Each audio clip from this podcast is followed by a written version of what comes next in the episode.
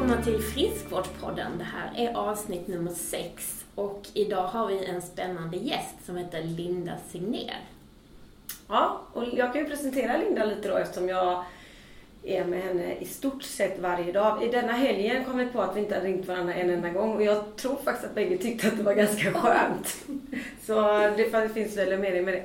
Men eh, Linda och jag jobbar tillsammans och Linda är, är fantastisk på eh, träning. Och på att få saker gjort. Och eh, jag tänker faktiskt att du får presentera dig själv. Ja, För du är så bra på det. Ja. För det gör du varje gång vi mm. möten. Ja, mm. ja, precis. Nej, men jag har jobbat med hälsa och friskvård i 19 år. Tänkte jag på häromdagen att oj vad många år det blev. Jag tror till och med du sa 19 och ett halvt när vi var ja. sekund här idag. Nej, det sa jag nog inte. Då kanske jag överdrev lite. Nej, 19 är det. Men eh, där jag verkligen brinner för att inspirera människor till en hälsosam livsstil. Eh, och är utbildad inom en mängd eh, gruppträningsformer. Eh, men också personlig tränare, kostrådgivare, hälsoinformatör. Där jag, nej men det, jag gillar ju en helhet. Det är inte bara träning, hälsa för mig, utan det är allt i livet. Man ska må bra mentalt och man ska äta gott och nyttigt ibland och lite onyttigt ibland och man ska röra på sig och göra saker man mår bra av. Så att glädje är också ett stort fokus. Men, eh, Men hur jobbar du nu då? Med mig? Vad är din del? Ja, min del i YouGo Health Plan är ju att eh, hitta sätt som, där vi får medarbetarna att må så bra som möjligt och få arbetsgivarna att ta ansvar för det men också ligger det lite ansvar hos medarbetarna för det är de som måste göra jobbet. Det är ingen annan som kan göra det för dem. Och hur vi då på olika roliga motiverande sätt kan få dem i rörelse och börja få in eh, eh, nya vanor i sitt liv helt enkelt. Men du är, Med små bra, enkla steg. du är rätt bra, förutom att du är grym på det, så är du faktiskt rätt bra på, eller du har fått bli bra på typ sortera papper, ta hand om det, Se ja. till att skattegrejerna kommer in. Precis. Ekonomin över i stort. Men också att du har blivit lite så här, hur fungerar flöden digitalt är du bra på, tänker Ja. För jag brukar bara slänga någonting på ditt skrivbord så här, det här är en bra idé och så får du lite sortera den. Så jag tycker att du, det måste vara en ny grej du, du vet vi pratar om att eh, våga göra nya saker. Ja, precis. Det här med IT och digitala världen har ju inte varit min eh, styrka alltid. Men jag tycker det är lite roligt att lära mig nya saker också. Men kan det vara att det är bra att jag är så dålig på det så att du får känna att du är bra? Ja, men jag är ju tvungen. Vem ska annars göra det? Och jag älskar inte papper heller, men ibland får man ju bara ta vissa arbetsuppgifter och göra dem och sen så är de gjorda och så är det ganska gött efteråt. Ja, så är det. Men det var en liten presentation av Linda.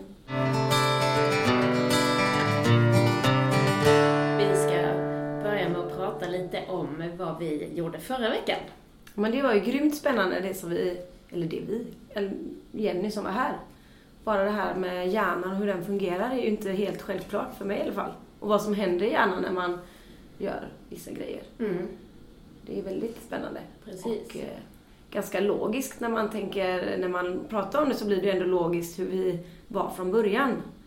För efter att jag pratat med Jenny så har jag också lyssnat på Anders Hansen och det har väl du också gjort? Mm, precis. Och då blir det ännu mer. Ja, det är jättekul och, eller liksom en himla intressant insikt det här med att man eh, då på, när, när vi levde i grottor och sådär, eller på savannen, att eh, det var när man rörde på sig som man eh, behövde komma ihåg nya saker. Man kanske behövde komma ihåg var det fanns eh, vilt att jaga och det, man behövde komma ihåg nya platser och memorera vad som fanns där och så. Så därför fungerade hjärnan bättre i samband med att man hade rört på sig. Mm. Och man också hörde någonting som Anders sa att eh, eh, man kunde reagera på faror bättre. Så om man eh, träffar på en, ett lejon så mm. kanske man behövde reagera ganska snabbt istället för att gå och fundera på vad man ska göra. Och mm. om man inte har en bra kondition så behöver man ibland tänka lite längre. Och det kan ju vara lite livsavgörande om det kommer ett lejon till mm. exempel, tänker jag. Mm. Kanske inte om det. Ja. Men vi har ju bjudit hit Linda, Linda ja, mm, Signér. Som jag för övrigt jobbar med varje dag. och det var ju därför vi bjöd hit eftersom du har jobbat så himla mycket med människor som ska, du vill att de ska träna och även att de mm. tränar. Precis. Och nu har du ju, som jag, bestämt att vi ska få, och du med Kajsa, hela Sverige att eh, bli mer hälsosam Precis. på arbetsplatsen. Och det är något nytt för dig, eller? Ja. Jag har mest jobbat med privatpersoner innan där eh, de självmant kommer till gymmet och vill vara aktiva. Eh, Så den här stora massan på arbetsplatser som inte normalt eh, tar på sig träningskläderna och går ut och rör på sig. Det är de som jag vill komma åt. De röda. Precis. Men hur, vad tror du då? Har, har vi någon idé?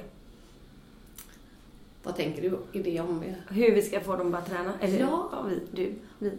Men jag tror på enkelheten och göra det enkelt, att man börjar försiktigt. Eh, Men kanske en promenad, 10 minuter på lunchrasten. Det behöver inte vara värre än så. Men att man gör det enkelt och lätt för människor att komma igång. eh, Så de märker att det inte är så farligt. Man behöver inte ens byta om, utan man kan bara röra sig lite mer i vardagen. Vardagsmotion är ju fantastiskt. Ställa bilen lite längre bort. eh, Bära kassarna på ICA hoppa av busshållplatsen en hållplats tidigare och men, leka lite med barnen, spela fotboll. Ja, men vara lite mer aktiv. Följa med grannen ut på promenad när de rastar hunden. Eller, ja, Kreativt fast enkelt. precis. Mm. Se möjligheterna Mm. till eh, rörelse. Mm.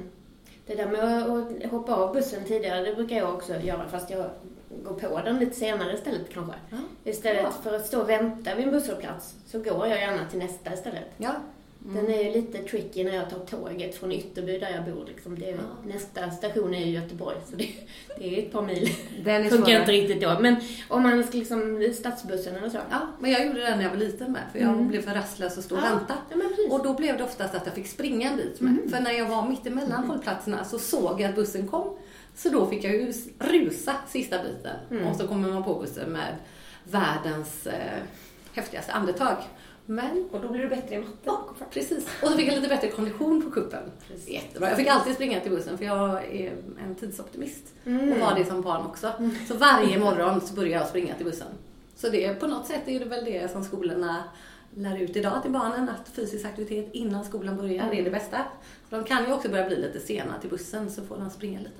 Men det har vi pratat i ett annat avsnitt att eh, vi kör ju barnen alldeles för mycket. För till exempel jag själv. När han åker med mig till skolan, han ska inte göra det längre. För eftersom han är så aktiv så är det även bra för hans fröken att han har gjort sig av med lite aktivitetsenergi. Mm. Kanske Mm. inte heter, men just det heter det så. Men du, vad tror du om vi bestämmer, om vi kan bestämma då, om vi fick bestämma att man lägger in träning på arbetstid som en eh, möteskalender helt enkelt? Ja, det hade ju varit fantastiskt bra. Mm. Att man har en liten zon på dagen som är mötesfri zon. Där man eh, bokar in träning helt enkelt. Mm. Dels får arbetsgivarna ut lite mer av det, att de är, medarbetarna är lite mer kreativa efter de har gjort träningspasset, så gärna träningspasset lite tidigare på dagen. Men sen också att man skapar eh, fri tid för medarbetarna, att de inte behöver göra träningen den dagen på eftermiddagen, utan då kan de umgås med sina barn och kompisar och kanske följa med barnen och titta på när de spelar fotboll eller gymnastik eller vad de nu håller på med. Mm. Eh, Så det är ju ett mervärde i sig, men också att man gör det i grupp på arbetsplatsen tror jag är bra. För det skapar gemenskap och man har lite roligt tillsammans och man kan prata om andra saker än arbetet Mm. när man sitter och äter lunch eller... Precis. Ja, Man skapar någon slags gemensamt intresse också kanske. ja precis. Ett gemensamt snackis. Ja. Men jag har faktiskt i samband med eh, den här Brain Athletics, den här föreningen som Jenny och jag är med i tillsammans. Eh, Där har jag gjort lite inlägg på vår hemsida. Går jättebra att leta upp dem. Eh, Brainathletics.se och sen så handlar det, finns det lite stories där. Och där har jag bland annat intervjuat en företagsledare som eh, där är det liksom inte bara frivilligt eller valbart utan det är obligatoriskt med en timmes träning i veckan. Nu skulle man ju helst kanske ännu hellre se det att det är typ nästan varje dag. Men eh, han eh, menar ju att det, det är så tydligt att deras hjärnor fungerar bättre. De jobbar liksom med konsultverksamhet och så. Eh, och eh, då ska man alltså träna en timme på arbetstid. För att eh, han, eh, och nu, det här kan vi klippa lite i tror jag, för nu tappar jag tråden här lite. um, jo, eh, då ska det alltså vara eh, en timmes träning i veckan är obligatoriskt. Eh, för att man vet att hjärnan fungerar så mycket bättre då. Och då får de göra vad de vill. Som allting som är pulshöjande. Så att det var en tjej som gick och, och tränade med sin slagverksorkester. Och det var någon tar en powerwalk, någon går på gymmet, någon går på spinningpass och så. så att Det är bra. För det är ju det är ibland det liksom- som kan vara hindren att alla vill inte springa. Nej. Utan man är lite man kan spela badminton, man kan spela squash eller man kan göra vad som helst men bara det blir en pulshöjande aktivitet som Mm. man sätter fart på hjärnan för då fick man också, hur mycket blod fick vi till oss idag? Ja men precis, det var ju bland annat eh, Anders Hansson, han sa ju det att eh, ungefär 20% mer blod får man till hjärnan. Och då kan man ju tänka sig också, dels får man ju mer nytt syre till hjärncellerna och sådär. Men sen tänker jag också, eftersom då jag är dietist och väldigt intresserad av mat och näring, så tänker jag ju att har man dessutom ätit väldigt bra grejer så får ju hjärncellerna dessutom en massa bra ämnen som de kan skapa en massa goda effekter uppe i hjärnan också. Precis. Det är bra. Inte, inte fylla kaloribehovet med typ Coca-Cola och kexchoklad. Utan Nej. Fylla upp med lite mer stabila kolhydrater Mm. och bra proteiner och mycket vitaminer och andra bra ämnen från grönsaker och så. Det är bra. Mm. Kost och träning är en bra kombo. Precis. Men en grej som också, vi är ju aldrig i stan jag och Linda eftersom vi sitter ute i Hovås på ett eh, Coworking hotell. Och du sitter här i stan. Det var Mm. också väldigt mysigt att sitta vid vattnet i, i Fiskekyrkan idag. Mm. För vi har också pratat om det här med miljö. Mm. Nu Precis. var det ju lite konstiga grejer som låg i vattnet men om vi tittar över dem så var det ändå lite människor, Fiskekyrkan, Göteborg, en god sallad, färsk fisk förutsätter vi att vi åt, lax Mm. åt där. Mm. Det är också vik- viktigt att man kanske väljer att göra det på bra ställen tänker jag. Mm. Så att man får bra mat och man får också se en härlig miljö så man inte bara äter nyttigt och inte tänker att man ska ta med det ut. Nej, och att man inte äter vid skrivbordet Nej, tycker jag är precis. viktigt. För då får man ju inte, hjärnan slappnar ju inte av. För då Mm. är man ju där och tittar på skärmen och läser lite mail och så försöker man äta under tiden. Men för nu satt vi och tittade på fina saker istället för Mm. telefonen. Mm. Det var Precis. väldigt trevligt. Och det är faktiskt också väldigt mycket intressanta saker som finns i det sammanhanget. Eh, därför att om du låter dina sinnen vara med när du äter, du luktar, du smakar, du tittar på maten och du liksom verkligen njuter av måltiden, då ger den ett mycket starkare intryck i kroppen. Liksom. Så att du blir mätt på mindre mat och du håller dig mätt längre. Du blir liksom mer nöjd. Mm. Istället för att sitta och titta på en skärm. Det kan ju vara både datorn på lunchen men det kan vara att sitta och äta middagen framför TVn också kanske. Mm. Att man liksom bara vevar i sig det där utan någon särskild eftertanke. Och då är liksom hjärnan helt distraherad på skärmen och du blir liksom inte mätt på samma mängd mat för att du eh, tänker så mycket på annat. Det är lite Det är intressant. väldigt intressant. Det Mm. finns mycket kring det med mindfulness, eh, mindful eating och så. Mm. Det ska vi absolut ha hit en Tugga gäst. maten ordentligt som Ja, jag det- upplever det- idag. Att man mm. bara slänger i sig mat och man hinner knappt känna vad det smakar ibland. Jag börjar bli bättre på det. Men det handlar ju lite om hur man har levt innan och med tidigare arbetsplatser i mitt liv så hade jag inte alltid lunch jag kunde gå iväg. Nej. Så då fick jag ju äta lite på stående fot när jag var lite yngre och det har nog satt sig lite som en vana för mig att då äter jag ganska snabbt. Mm. Så ibland får jag lugna ner mig lite. Det är väldigt bra för mig att äta med långsamätande människor. Mm. Men jag är också ganska snabb eftersom man har jobbat på restaurang. Då Mm. äter man också på stående fot. Det är väl också en sån där liten sjuka som sitter kvar sen man hade småbarn kanske. Mm. För man visste aldrig hur länge man fick sitta. Nej, nej. Men livet handlar ju mycket om vanor och det, Ja. jag pratade med en eh, tjej som, har, eh, som tränar med sitt jobb som eh, har börjat med oss ganska nyligen. Och, men från början att man har lite uthållighet som arbetsgivare. För i början så kanske det inte kommer så många på de här gemensamma träningarna. Och då berättade hon ju för mig hur det var för henne. Och då var det så att eh, i början så visste hon ju att det var, hon var lite nyfiken. Och så började hon med att tänka att nästa vecka kommer jag komma. Men hon kom aldrig. Och sen så började hon packa väskan, så hon i alla fall hade med sig träningskläder. Eh, och sen en dag så kom hon ju ombytt och var med. Och när hon hade tagit första steget så var det så mycket lättare att komma nästa vecka. Och efter ett tag så började hon träna fler gånger i veckan. Så då började hon träna en annan dag i veckan och sen blev det två andra dagar i veckan. Så totalt så blev det att hon tränade tre gånger i veckan och har i det nu som en Från vana. Mm. Så att eh, hon sa att, eh, men bara att mina kollegor började gå och jag satt ensam kvar där på lunchen så blev jag ändå lite nyfiken. Och vad det kan ge, att man börjar lite försiktigt och sen så skapar man en ny vana. Så nu tänker hon ju inte ens på att hon tycker det är jobbigt eller så här, utan hon bokat, har bokat in i sin kalender när hon ska träna och så gör hon det bara. Mm. Så det tycker jag också är fantastiskt. Men all, all förändring händer ju inte på en kvart. Nej, Det tar ju lite längre tid, så det gäller också att, att inte prova som eh, ett litet projekt att vi kör lunchklass i två månader och så är det åtta tillfällen.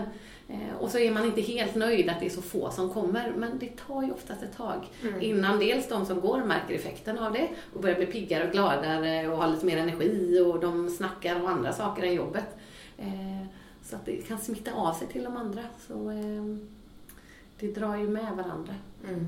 Jag kan tänka mig också att det kan vara en smart grej om man nu köper en sån träningsaktivitet till jobbet. Att man har ganska så bra med tidsmarginal innan man har första gången. Så att folk kanske får en eller två månader på sig att börja vänja sig vid tanken.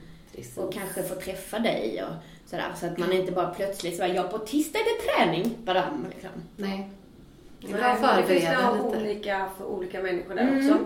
En del vill nog ha det bara, nu kör vi en bonk på, för då man vill inte ha någon uh, liksom, startsträcka överhuvudtaget. Nej, Så det är väl väldigt olika och det är därför som det är så intressant att jobba med människor, att man ser hur olika det är. Att en del ser bara hinder så, som vissa inte ens förstår var de kommer ifrån. Mm. Så det gäller att Precis. liksom vara lite fingertoppskänsla där så man får med alla. Vi var ju på ett möte innan här, innan vi träffade dig då, på Yoga Yama. Och de vill ju också få igång att man drar in, eh, eller tar in, eh, yoga på arbetstid. Och det tänker jag, jag som inte alls är så yogi, kanske skulle kunna tänka mig att bli det om jag var på ett arbete och de bara la en matta vid mitt skrivbord och så gjorde jag det första gången kanske i tio minuter. Mm. Och sen efter några gånger där kanske jag bara, jag kanske ska följa med till den här yogastudion inne i stan. För att man vågar, man, man, är, man vill ju aldrig vara sämst liksom. Nej. Men det tycker jag också var bra eftersom man har så ont i nacken och axlarna när man sitter att man får in lite yoga. Lite rörlighetsträning och, Och även den här andningen som vi pratade om, att man andas. Mm. Det är bra. Andningen är ju också väldigt intressant. Jag har en person vi kan ha som gäst där med också. Du, har- du har känner alla personer. Poppar upp en massa här. Men du Linda, vi vet ju detta att man, man vet att man får mest effekt av att få upp folk ur soffan. Liksom att Mm. gå från noll till, inte till hundra, men noll till två eller tre i alla fall. Precis. Men att man, alltså det är ju, liksom den största hälsoeffekten får man ju hos de som inte rör sig alls. Ja. Och jag menar, de som redan tränat i Göteborgsvarvet, vi får ju inte de friskare genom att de ska börja träna för Ironman istället. Liksom. Nej. Eh, eh, Men jag tänker också att det finns, det största motståndet ligger också där. Så hur, har du några idéer kring det? Hur man, nu har vi redan varit inne på det till viss del i och för sig, men att, hur kan man motivera och, och få dem sugna på att testa? Men jag tänker att de ska hitta någonting de tycker är roligt. Mm. Eh, för då är det så mycket lättare att göra det. Och våga testa nya saker. För ibland så har man kanske förutfattade meningar om yoga till exempel. Nej men man bara sitter där och andas och det är flum-flum. Det är ju inte ens jobbigt, jag blir inte ens svettig. Kan en person säga som aldrig har tränat yoga. Och så följer de med på ett yogapass och så är det hur svettigt som helst men man sitter ju inte still en sekund. Så det är ju så olika. Man, det är så lätt att eh, föreställa sig hur en sak är. Eller att, nej men jag kan inte simma. Nej men har du provat på, på länge? Nej. Och sen bara, men det var rätt skönt. Det är skonsamt att simma till exempel. Så att jag tror mycket på att man, eh, ja men dels ska hitta någonting man är roligt och gärna göra det tillsammans med någon kompis. Eller några grannar så att man är ett gäng. För gör man det i grupp så blir det mycket lättare att eh, fortsätta med det. För då kan man peppa varandra. All, man är ju inte alltid på topp. Men har man väl bestämt med någon kompis så blir det ju att det blir gjort lite lättare. Eh, och sen gärna nära, antingen arbetsplatsen eller hemmet. Eh, max nästan fem minuter ifrån. Man får, behöver, är det för långt bort så blir det ett stort hinder att ta sig till träningsanläggningen eller vad man nu vill göra. Så att också att man hittar saker som är nära en, tar vara på naturen. Eh, lite säsong, på sommaren kan man ju röra sig mer ute och man kan göra väldigt mycket grejer, saker hemma. Eh, och har man barn och sånt och, eh, så kan man ju involvera barnen. Så nej, men det Men tänker bara vara kreativ. Det har kommit så mycket bra grejer så här med appar och videos på Youtube grejer så man kan göra träningen mitt på vardagsrumsgolvet eller i trädgården eller på balkongen eller vad man nu håller till. Och ett eh, tips eh, som jag också har, fast mina, nu kommer ett tips från mig. Eh, Det är också när barnen tränar istället för bara att stå och titta med de andra mammorna och papporna Så kan man ju köra ett litet träningspass. Du ser ditt barn fast du rör på det samtidigt. Så har vi gjort ibland att man kör knäböj och upphopp och man är där. Fast man får också ut någonting av det. Än att bara stå där. För det är inte alltid jättekul att stå en och en halv timme och titta. Nej. Tycker jag. Nej. Samtidigt vill jag gärna vara med. Precis. Nu har jag ett till tips och det är att sätta ett mål Mm. och bestämma sig att, eh, att man kanske ska köra två gånger i veckan. Lite mer pulshöjande aktivitet eller vad det nu kan vara. Och så för man också in i kalendern att man har gjort det. Och säger att man sätter ett mål, att jag ska göra detta i tre månader. Och sen när man har nått målet, att man också känner sig väldigt nöjd och glad och stolt. Att man, ja men nu gjorde jag detta. Man blir kan det lite, en vana. precis. Så du vill fortsätta tre månader till. Så till slut så kommer det bli en vana som man inte ens tänker på det. Däremot så känner man kanske att man vill behöva det. För om man till exempel blir sjuk och inte kan träna på ett tag, då märker man ju att man blir lite mer lättirriterad, man blir tröttare, hängigare. Ja, men det är ju inte lika roligt, man mår inte riktigt lika bra. Så att, eh, det är ju snabbt att man märker effekterna. Men det kan ju också vara att man gör en liten dagbok och skriver hur man mådde innan man började träna. Mm. För det kommer ju förändringar sakta men säkert så inte alltid man märker effekterna. Och sen att man tittar tillbaka efter ett tag. Men hur mådde jag där? Vad var det mina utmaningar? Eh, så man har någonting att jämföra med och bara, men gud, kände jag så? Men så vill jag aldrig mer känna. Jag får nog hålla i den här vanan. Så det kan ju också vara ett tips. Mm. Jättebra tips. tycker jag. Ja, Man kan säga att du brinner för att folk ska röra på sig. Ja, men precis. Jag, måste bara ta lite mer sen förra gången här, för jag tycker det var så mycket bra som vi pratade om där. Eh, vi pratade ju om hur, vilka effekter man kan få på hjärnan då av att röra på sig mer. Ja, och det intressant. behöver ju inte vara eh, träning, sådär ombytt träning som man måste duscha efteråt, utan att röra sig mer i vardagen, som vi var inne på. Eh, promenera på lunchen eller så. Och det som bland annat är eh, effekterna då, det är ju de här exekutiva ak- eh, aktionerna. exekutiva funktionerna. Ah, Ehm, som liksom har mycket att göra med hur hjärnan fungerar i sammanhang kan man säga. Alltså att se sammanhang, skapa liksom en överblick över vad man behöver göra. Att värdera vad som är viktigast att prioritera. Och att sätta igång med saker och att också se när det är dags att avsluta saker. Eh, att eh, Ja, mycket sammanhang, alltså mycket på och av funktioner kan man säga. Eh, och många av de funktionerna är ju också de som drabbas när vi är stressade. Mm. Eh, så att där kan man ju säga att liksom, träningen har lite dubbel effekt där. Dels så motverkar de här sakerna som vi får, alltså de negativa sakerna som vi får när vi blir stressade och dels så liksom boostar de effekterna ännu mer. Ja. Så att man, eh, för de effekterna blir man ju ännu mer stressad av också. Och man får en sämre förmåga att sätta igång med saker. Man får mindre gjort, man får mindre fokus, man får mindre minne. Då blir man ju ännu mer stressad av att man inte har det där. Så Nej. man bara känner att bara, ah, var ska jag börja någonstans? man, eller börjar, ö- man börjar med allt på en gång och Mm. ingenting blir slutfört. Nej, liksom. Nej, exakt. Ungefär som när jag ska städa. Men det har nog andra saker att göra tror jag. Ja, nej men så det, det känns som otroligt eh, bra att, eh, och jag tänker också att det, det, det måste vara en väldigt bra eh, metod att bli av med eh, utbrändhetssyndrom och sådär. ja. När man känner liksom att man är på väg in i den här berömda väggen, att man ser till att ta en morgonpromenad varje dag då, så att man liksom bryter det innan man har gått hela vägen in i väggen, tänker jag. Men, men varje gång när vi sitter så här så tänker man ju ändå så här. Det kan ju inte bara vara vi tre och Jenny och Anders som är smarta. Så varför tar man inte tag i det här och gör en strategisk plan på arbetsplatser och jobbar ut efter den? Det är ju inte så att folk står och ropar i megafon att vi ska komma. Vi får ju förklara, prata, ringa igen, mejla igen, inget svar, mejla igen. Man bara liksom, men hur i hela... Men jag tror att det också är lite nytt för arbetsgivarna vet inte riktigt vad effekterna blir.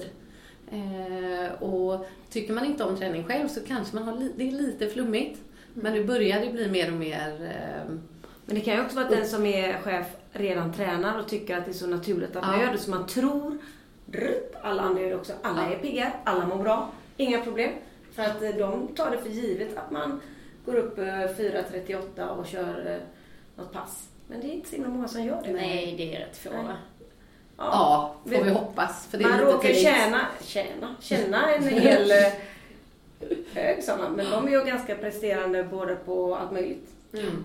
Sen mår man ju bra att sova. Men däremot morgonträning är ju bevisat att eh, om man tränar på morgonen eller på eftermiddagen så är morgonträningen det som håller i sig längst. Mm. För på morgonen har vi inte lika många hinder i vägen. Nej, man har inte lika många Utan vi bestämmer oss och det är inte så mycket störningsmoment. Men däremot på eftermiddagen, då kanske man behöver in i affären. Man ska laga mat, man ska hjälpa till med läxor, man börjar bli trött, man är slut på energi. Det är så många mer hinder som händer på eftermiddagarna än på morgonen. Mm. Så de som eh, Ja, men de gjorde någon studie där, eh, jag tror det var 70 procent som behöll sin träningsvana eh, om de tränade på morgonen mot 25 procent som tränade på eftermiddagen. Så det är ganska stora Men man är ju väldigt differenser. nöjd när man har gjort det på morgonen. Och då behöver det inte vara 4.38 utan det kan vara... En halvtimme, Ja, gå upp en halvtimme tidigare, för det kan man alltid välja själv. Det kan man alltid påverka.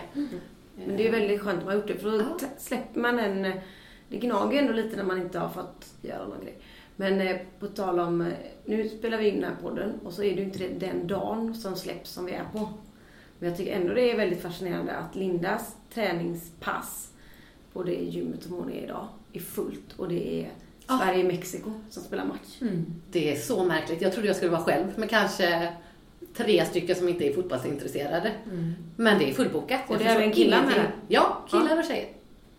Antingen så är det ju att de prioriterar träningen mot att titta på matchen. Eller så är det för att du är så bra och de vet Ja, att du snart ska ha sommarprov. Precis, sista Jag chansen med mig. Nej. Jag tror det är med det. Men det jag pratade med en kund och det tycker jag var så fascinerande och jag blev så glad ända in i själen. För då sa eh, ja, men några deltagare, stod och pratade lite efter passet och bara, men det är inte alltid vad vi gör utan det är gemenskapen med de andra i gruppen också. Så det är ju inte alltid instruktören utan det är liksom sammanhållning i gruppen för de börjar ju prata med varandra och säger, ja men vi ses nästa vecka. Eh, Så då har de ju lovat den andra deltagaren att nu ses vi ju här nästa vecka. Och de pratar innan och efter passet. Så det är den här tillhörigheten och sammanhållningen som gör fantastiskt mycket att träna på. Det slutar med grupp- snittar och rosé liksom. Vad vi än gör så slutar vi där. det har vi pratat om. Ja, nej. Mm. Nej men det är ju det vi har pratat om också, att man bokar med andra. För att då har ju lovat komma. De lovar ju varandra lite att komma. Och då känns det ju såhär, men jag har ju sagt till Linda att jag ska vara där. Och, kanske hon blir ledsen om inte jag kommer. Mm. Jag försökte ju ändå flytta passet för jag skulle också vilja se den andra halvleken där det är som mest spännande. Tror jag det kommer vara idag. Ja. Eh, Men nej, det gick de inte med på så jag fick ju vika ner mig. Men eh, ja, Men eh, vi börjar komma så här till en avrundning och då brukar du ju alltid ha något klokt att säga. Oj. Nu såg du lite chockad ut. Nu får du rota lite i din lilla... Men jag kan ju säga en grej medan hon tänker nu då. Mm. Och då tänker jag bara, nu vet jag ju inte om det släpps nu i sommar i och för sig. När man har semester eller hur det är. Men hur som haver, eh, när man har lite helg och är ledig från arbetet, att man då passar på och göra lite andra saker än vad man brukar göra. Mm. Vara lite nyfiken och bara gå ut och fråga grannen vad de gör på sin fritid, hänga med barnen. Att man bara inte låter det bli så jobbigt. Att, eh, eller har några större rädslor utan när man gör saker som man tycker är lite läskigt och utmanande när man har gjort dem så är man ju så galet stolt och man växer lite som människa. För man lärde sig något nytt och man vågade utmana sig själv. Men jag tänker, eh, Viktor och min sambo, han kan inte springa för han har grejer under fötterna. Men nu har vi promenerat en hel del. Och nu behöver promenaden bli lite mer utmanande. För det kan man också tänka på. Man behöver inte gå samma promenad så här, samma väg. Så det är liksom över berg, över stock. Och då blir det ändå att man får hoppa lite och klättra lite. Ja. Och, ta, och då använder man ju lite mer muskler. Man använder lite och rörelser och fötter och leder och mage. Och det är också så att när ni har promenerat nu, ni som har börjat med det. Försök att ta en liten backe extra och lite Precis. krokar och... Mm. Man får ju se så mycket när man är ute och går eller springer. Precis. Man, det blir ju en helt ny värld. Till Mm. exempel när man är ute med båten eller någonting och istället för att bara ligga i hamnen. Alltså ta en promenad upp i bergen eller spring, man hinner ju ganska långt. Och man får ju se helt andra sidor av ön eller landet eller var man nu är någonstans. Mm. Det är ju det- väldigt härligt faktiskt. Och är det så att man är liksom lite sådär, man promenerar men man skulle kanske vilja börja springa. Då är det ju en ganska bra grej att man börjar att springa i uppförsbackarna. Det låter ju svinjobbigt att börja med det. Men då får man ju automatiskt ett bra löpsteg och det är också väldigt skonsamt. Mm. Man sätter i foten på rätt sätt och man eh, sätter, alltså, det blir bra för knän och höfter och sådär. Ja, Så. precis. så börja inte springa nerförsbacke. Nej, och inte för länge. Nej. Varva inte för branta kanske. Och det blir också, nej men precis, men att man tastar uppåt Mm. liksom och tar lite små steg så. Får man upp pulsen också mycket Och det kan vara bra att börja i skogen för då kanske det är ingen som ser om man tycker det är jobbigt att folk tittar. Man springer Nej. mitt på en gata där alla sitter och äter middag kan ju vara eh, skumperump och så man tänker. Men i skogen kanske det är ingen som ser. Nej, och nu måste jag säga en grej till som jag tycker är fantastiskt. Att ju mer man flåsar, eh, ju mer utmanar man sitt hjärta och sin kondition. Så det är inget tecken på att man har en dålig kondition. Utan det är ju bara ett tecken på att man vågar utmana sig där man är nu, idag. Så om man möter någon som flåsar som bara den, så ge en liten så här, heja dig vad du är bra, kom igen nu. Då, blir, då lyfter man ju de människorna istället. För jag, när jag började springa så började jag hålla andan så fort jag mötte någon. För att jag vill inte låta flåsig. Jag vet inte riktigt varför, om det var för att man skulle vara sämre eller någonting då. Men det blev ju skitjobbigt när man väl fick andas sen. För då hade jag ju hållit andan. Nej men det blev ingen bra Det är grej. ju lite det jag ska göra nu när jag ska inte andas när jag simmar. För det går ju inte för då andas jag inåt. Får jag vatten i mig. Alltså jag, kan, jag har ju tvärtom. Ja. Ja, men det får man ju lära sig. Ja. Men så jag vill bara säga det, att ju mer flåsig man är, ju bättre är det. Så våga flåsa. Precis. Och Jag tänkte, du var lite inne på detta med att utmana sig själv. Mm. Eh, Jag har en sån jättehärlig historia från eh, när min äldste son var i skidskola. Vi var i Sälen och han kanske var åtta, tror jag. Eller tio, jag minns inte riktigt. Men då kommer han tillbaka från första skidlektionen så här bara, mamma, mamma. Alltså, modet är lite som en fyrkant, så ritar han så här med staven liksom. Och man vågar sig lite utanför sin fyrkant, alltså man vågar sig komma lite utanför sin bekvämlighetszon, då kan den bli hur stor som helst. Mm. Jag bara, mm. Så klok son. Jag gillar också din skidlärare. Fantastiskt härligt. Härligt Det är faktiskt. lite så det är Mm. med allt här i livet. Mm. Mm. Att våga. Mm. Ja, vad är det värsta som kan hända? Precis. Det finns inga värsta som kan hända egentligen. Några finns väl men eh, de behöver vi inte rabbla upp här. Nej. Nej, nu tänkte du värsta, värsta, värsta. Ja, jag Ja. menar så här. Jag tänker mer när det gäller träning och det som vi pratar om nu. Jag såg något annat framför mig. Okej. Men hoppa. Men eh, Mm. vill du säga något eller ska Ja, du? jag har ju en spaning där också faktiskt. Om man tänker sig då att det blir 20% mer blod i hjärnan. Nu killgissar jag lite här. Men om det är så att det blir 20% mer blod i hjärnan. Eller gissar. Skulle man kunna säga då att hjärnan fungerar 20% bättre? Skulle man då kunna, om klart. man tar betalt per timme, som konsult till exempel, skulle man då kunna höja priset med 20% om man har tränat på lunchen? Ja. Det är en liten fundering som vi kan ta med oss. Men nu eh, säger vi hej då. Ja, hej då.